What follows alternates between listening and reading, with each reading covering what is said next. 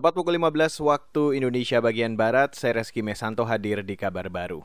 Saudara, Komisi Nasional Hak Asasi Manusia atau Komnas HAM mencatat kasus kekerasan terhadap kebebasan beragama dan berkeyakinan terus meningkat sejak 2018 lalu.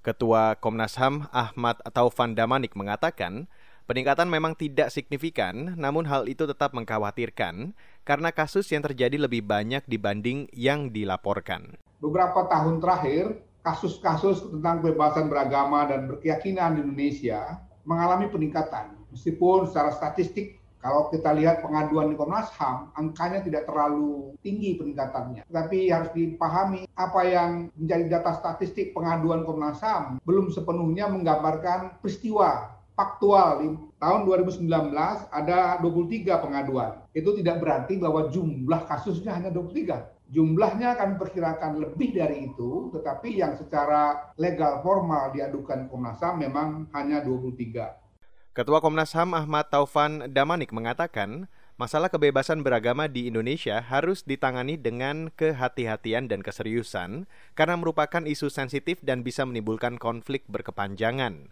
Selain itu, konflik kebebasan beragama juga biasanya berdampak pada demokrasi di Indonesia. Kita beralih ke informasi selanjutnya, Saudara. Akademisi IAIN Purwokerto, Kiai Haji Fatul Aminuddin Aziz, yang juga pengasuh pesantren meminta agar pemerintah lebih memperhatikan pesantren, menyusul terjadinya pandemi COVID-19. Ini menyusul munculnya klaster pesantren dengan jumlah terkonfirmasi mencapai ratusan orang. Aziz mengatakan keterbatasan ruang dan sanitasi yang buruk menyebabkan penyakit lebih mudah menular. Salah satunya adalah karena keterbatasan ruang tidur untuk santri. Kita bayangkan ruangan 4 kali 6 diisi orang 25, begitu juga otomatis dengan sanitasinya. Sanitasinya tidak memenuhi kriteria sehat. Dampaknya adalah lingkungan yang kurang sehat. Oleh sebab itu, kami memohon kepada pemerintah untuk ikut serta mengayomi lembaga pendidikan non formal ini.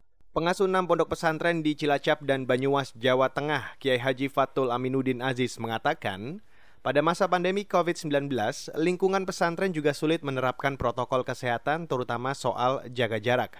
Sebab dengan lingkungan yang terbatas, sulit bagi santri untuk menjaga jarak dari rekan lainnya. Saudara, Lembaga Pemberantasan Korupsi di Inggris SFO ikut turun tangan menyelidiki dugaan suap dan korupsi di maskapai penerbangan Garuda Indonesia.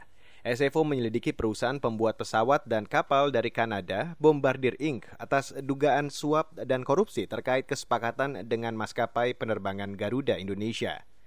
Kasus itu melibatkan bekas Direktur Utama Garuda Emir Satar. Kasus suap menyuap dalam pembelian pesawat itu juga melibatkan sejumlah industri aviasi, yaitu Bombardier, Rolls-Royce, hingga Airbus di Eropa. Demikian kabar baru KBR, saya Reski Mesanto.